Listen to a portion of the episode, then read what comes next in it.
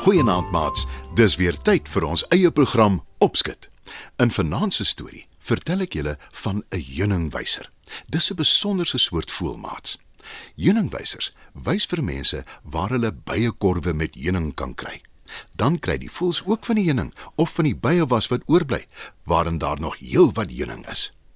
Maar heuningwysers is ook skelm. Mens kan maar sê hulle is lui, want hulle lê hulle eiers in ander voëls se neste en die voëls broei dan die eiers vir hulle uit. Maar ons storie gaan ook oor 'n jong man, Isak, wat 'n probleem gehad het. Maats, skuif nader, dan vertel ek julle van die twee. Lekker luister. Daar was eenmal 'n jong man wat niks met ander wou deel nie. Hy was heeltemal te gulsig daarvoor. Die mans in die dorpie waar hy bly, gaan jag dikwels saam en dan deel hulle die vleis onder mekaar. Maar nie hy nie. Hy jag alleen en hy hou alles vir homself. Die ander inwoners van die dorpie deel ook hulle gesaides en groente met mekaar, maar Isak sal eerder alles wat hy oes wegsteek as wat hy dit vir iemand anders te gee. Op 'n dag, toe Isak besig is om te jag, hoor hy 'n bekende geluid. Hy weet dadelik dis Soekie, die heuningwyser, wat hom roep om vir hom te wys waar daar 'n byenes vol heerlike soet heuning is. Sy mond water sommer al klaar. Maar net om seker te maak, vra hy: Jy wil vir my wys waar ek heuning kan kry, né, Soekie? O ja, daar's 'n heerlike vet nes propvol heuning in 'n dik boomstamme en die vandaan. antwoord sy. En sy begin in die rigting van die boom vlieg. Isak volg haar gretig. Sy vlieg van boom tot boom, van tak tot tak en die hele tyd kwetter sy vrolik, want sy weet sy gaan ook 'n heerlike stuk heuningkoek kry met heuning om aan te smil. Isak word naderhand moeg om die heuningwyser te volg en gaan sit op 'n rots om te rus. Kom aan, Isak. Die dag word nie langer nie. Jy kan later rus. raas Soekie en sy vlieg weg. Isak is vies vir die voël. Maar hy staan gedwee op want hy wil haar nie uit die oog verloor en die heuning kwyt wees nie. En so waar, uiteindelik kom hulle by die boom aan waarin die byenes is. Isak maak vinnige vuurtjie en met die rook jaag hy die bye weg. Toe haal hy die druppende heuningkoeke uit die boom se stam en pak alles in sy rugsak. Soekie hou hom fyn dop. Toe sy sien hy los niks vir haar nie, roep sy verontwaardig. Ai! Waar's myne? Maar Isak lag haar uit. Soekie is woedend en sy sê: Ons heuningwysers kry altyd 'n koek heuning. Dis die ooreenkoms wat ons met mense het. Miskien met ander mense, maar nie met my nie. Antwoord Isak vermakerig en hy begin wegstap. Soekie is nie van plan om dit daar te laat nie. Sy gaan 'n plan maak om Isak te laat boet. Al vat dit hoe lank. Gelukkig het ek baie geduld. Jy sal nie hiermee wegkom nie. sê sy.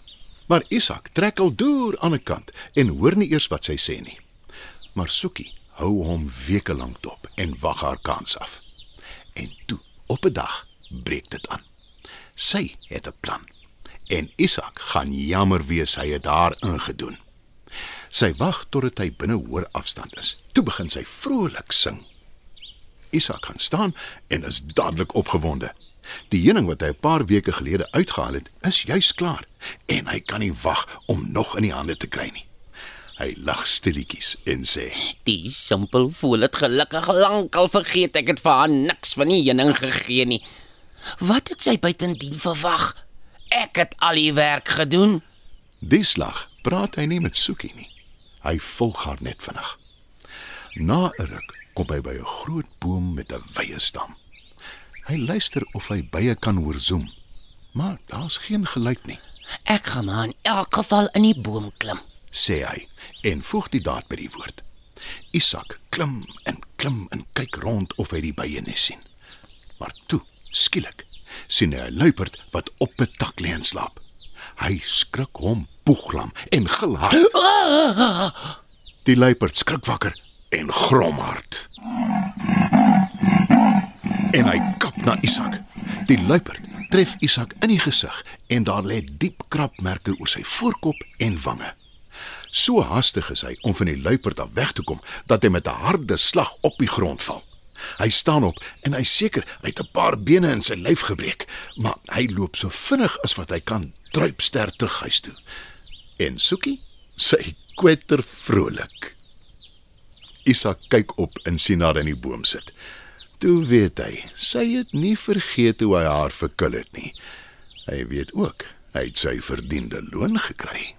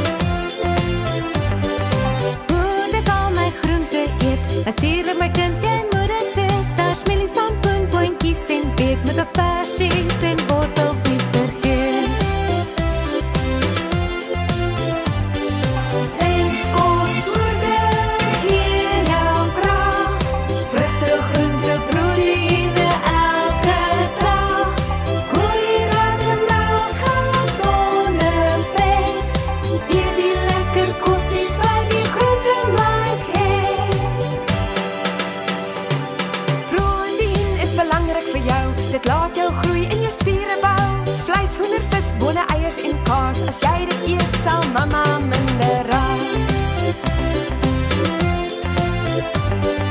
Koolhidrate is 'n baie groot woord, al wat dit eintlik